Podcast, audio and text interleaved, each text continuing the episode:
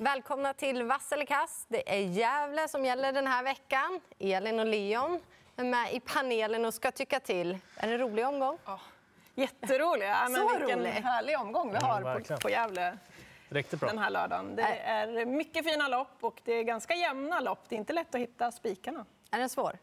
Jag tycker att det är svårt. Ja, vi börjar direkt då för första loppet. Det är rätt så jämspelat. Det är inte helt lättlöst. Lång Långdistans, voltstart nummer ett är struken. 11 Gardner Show och Jörgen Westholm är favoriter från spår 11. Mm, jag kan med. Jag kommer trycka grönt på honom. Jag tycker att han har sett så underbart bra ut på sistone.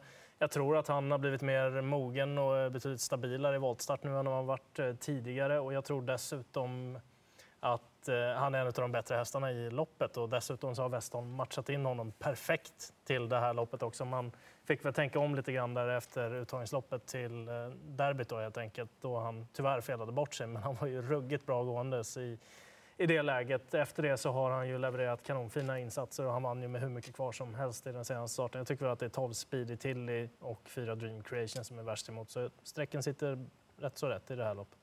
Jag håller med dig helt och hållet där, Leon. Eh, jag trycker eh, grönt för att han är knapp favorit. Eh, var jag tvungen att välja någon av alla de här så skulle jag ta Gardner Shaw.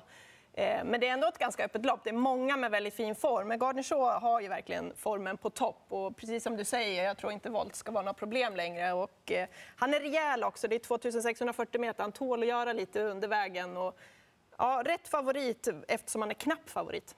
Mm, ja, det är en häst som är given att ta med, absolut. 11 Garner Shore. Men jag tycker, jag tycker rött på grund av att, som ni sa, det är ett jämnt lopp. Och jag tycker 12 Speedy till är lika het och även då nummer 4 Dream Creation. Som, visst, eh, spår 4 är ju inte helt optimalt i volt, men han har skött sig bra tidigare och han är ändå den av de bättre som har framspår. Så därför tycker jag kanske att han skulle vara mest betrodd. Men Gardner Shaw har ju bra chans han också. Då bläddrar vi vidare till eh, V752, ett storlopp och det är dubbla tillägg. Och från dubbla tillägg startar just favoriten 15, Milli Miljonär. Ganska ojämnt lopp, eh, men eh, nej, jag gör så här på Milli Miljonär. Jag vet inte vad formen är. Även om hon startade på väldigt tätt där, tappade kanske lite grann, det blev för mycket för henne. Fått en paus nu, uppfräschad, hon har börjat om, kommer igen, tagit igen sig lite grann. Så visst, hon kan gå runt de här, helt klart, men jag vågar inte lita på att hon bara gör det. Jag tycker nästan att 14 Miley ska vara favorit här. Det intrycket senast när hon svepte dem, det var grymt häftigt, även om det var mycket enklare motstånd. Men eh, där lyser det i form, så att eh, ganska öppet, ihåligt lopp. Skrällen är f- 11, eh, Mahjong. Mm.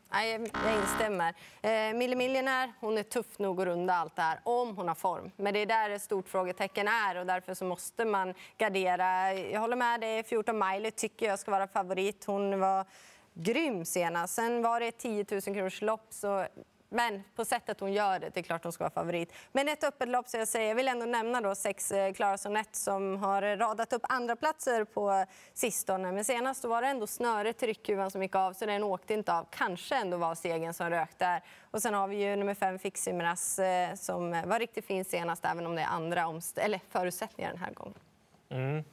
Eh, Miley, som jag förstod det, så gick ju hon med halvstängt senast och och eh, det verkade ju vara en väldigt bra effekt. Även om det var ett breddlopp så såg hon ju fantastiskt bra ut och ser ut som att hon har mer kvar att ge på tävlingsbanan. Jag tycker att eh, 14 före 15 är ranken och sen ska man plocka någon skräll i det här loppet så kan väl Stjärnhök Siri vara intressant på eh, att den kanske får ett väldigt vilsamt lopp den här gången medan några andra tampas. Men det kräver ju också att hon kommer loss till, till slut helt enkelt. Eh, senaste insatsen på henne kan man glömma där eh, Kajsa Frick har kommit bra överens med den där hästen tidigare. Då går vi vidare till V75 3. Och det är Johan Untersteiners häst, nummer 3, Nairadja, som är favorit. Men det är Erik Adielsson som får chansen. Mm, den tycker jag är för stor favorit i det här loppet. Förvisso är det ju läge för att den får ledningen, men jag tänker inte bränna på Leave Your Socks on om den ska gå barfota imorgon. Jag tycker det är väldigt spännande. Eventuellt också amerikansk sulky på den. Det var mycket ändringar överlag i det här eh, loppet och det gör att det är många som är påställda. Jag menar, eh, vi hade en häst som var med i Svenskt travkriterium som är sträcka på 2% från spår 11. Det är kanske inte så hög vinstchans, men den var grym i uttagningsloppet också. Så det finns väldigt mycket. Men eh, jag känner väl mest för hästarna 7 och 8 bakom favoriten här. Eh, ja, jag tycker att det är ett roligt lopp med tänkbar skrällpotential. Det är det, men jag kommer göra så här på favoriten eh, Niharadja. Jag gillar att han fick det utgångsläget. Han kan ju öppna bra och jag ser att det är han som sitter i ledningen här.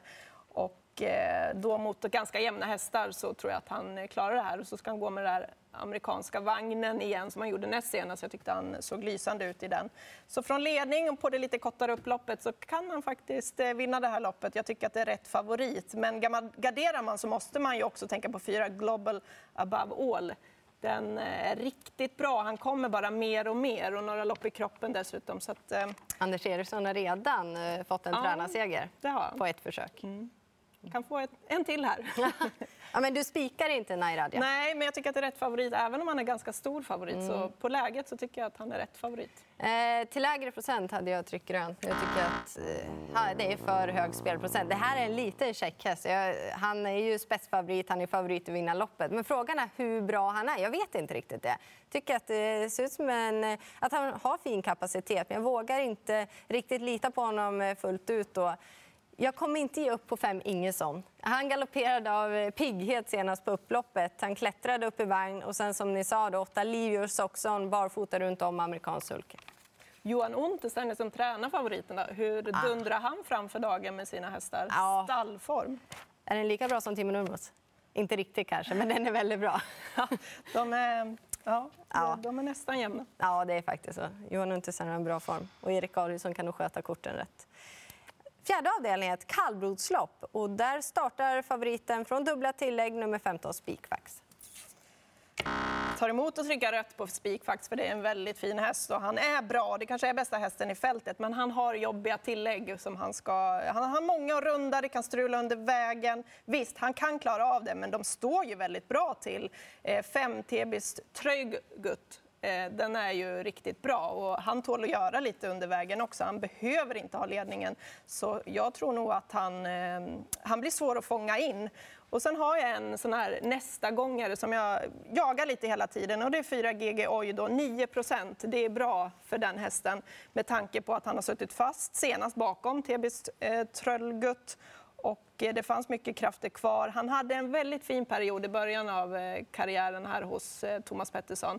Sen fick han en liten svacka. Nu har han jobbat sig upp och, och liksom kan Vuxit bära de där pengarna mm. han fick. Ja. Och med de här fina loppen han har fått får Thomas Pettersson till ett sånt här fint lopp igen och det löser sig. Ja, då är han farlig. Mm. Det är ändå sådär som alla andra inte tycker att man ska göra. För jag förstår själv de här dubbla tilläggen. Går det för sakta så det kan ställa till det såklart för favoriten. Men han har så bra kapacitet och 42 procent, det är ingen Järvsöfax-procent vi pratar här utan jag tycker det är rätt favorit till den här procenten. Ska han ha bra vinstchans också? STCC-faxen, ja, den lämnade han senast de mötte. Den tar han in 20 meter på och STCC-faxen slog väl ändå då TBs Tröllgutt eh, senast. Och sen vet jag att han har bra chans, men Torbjörn Jansson var ändå tveksam på att vi kommer inte komma till en ledning direkt och det kan kosta i sådana fall om vi ens kommer dit. Jag tycker ändå att det är helt rätt favorit och ett tänkbart spikförslag.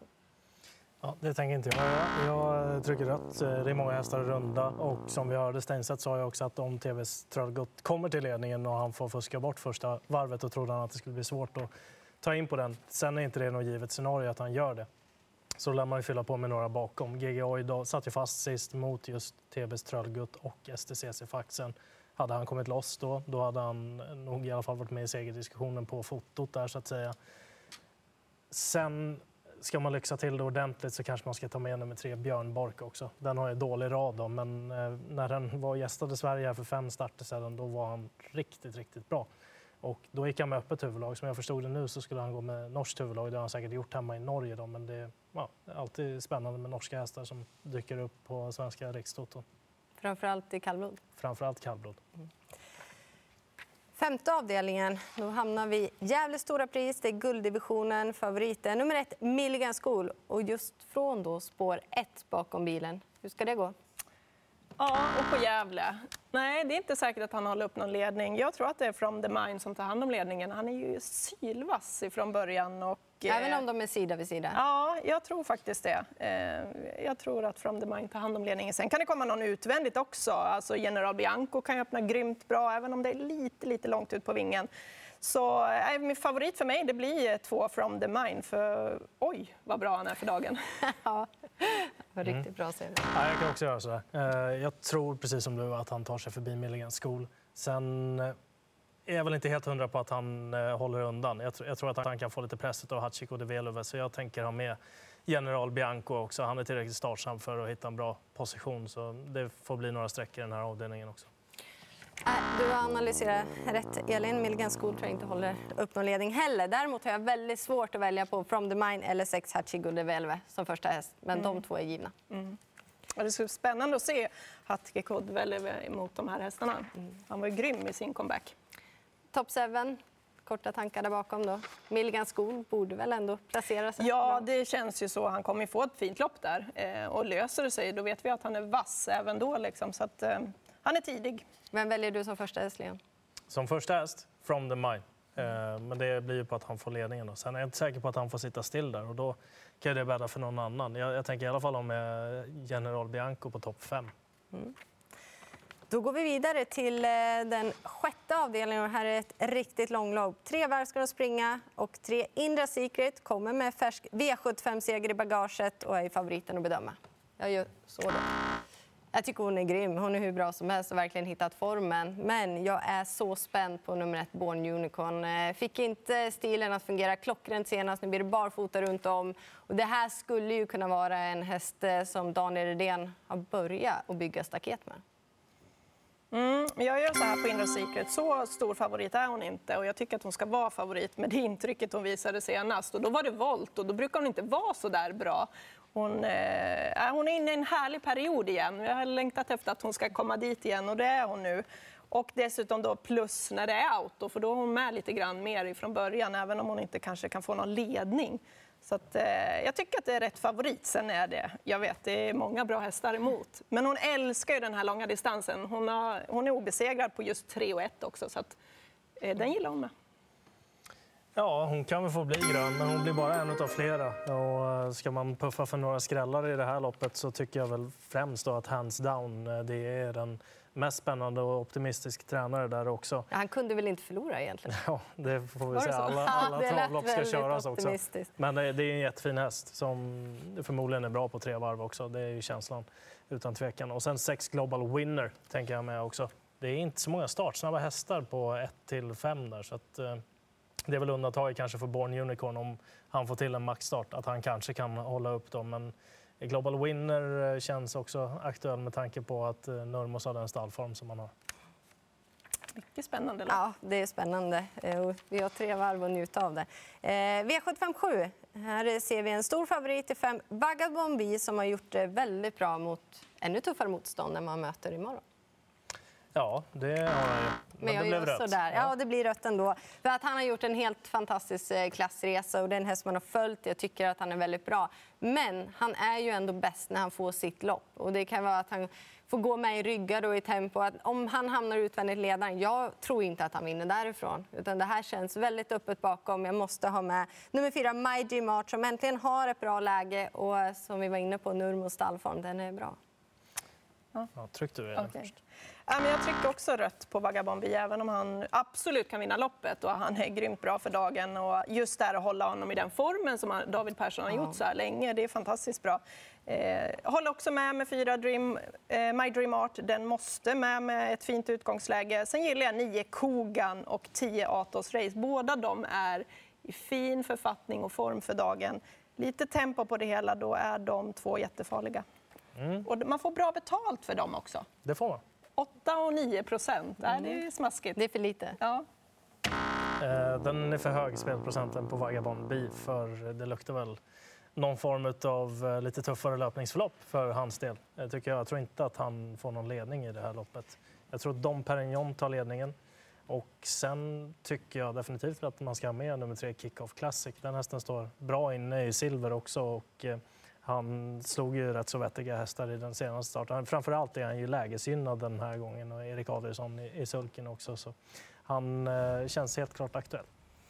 Ja, det blev ett spritt fält i alla fall. Men eh, ni var överens. Gardner Shaw och Indra Secret, eh, de blev gröna. Och med det säger vi ett stort lycka till till en eh, ja, men, spännande omgång på Gävletravet.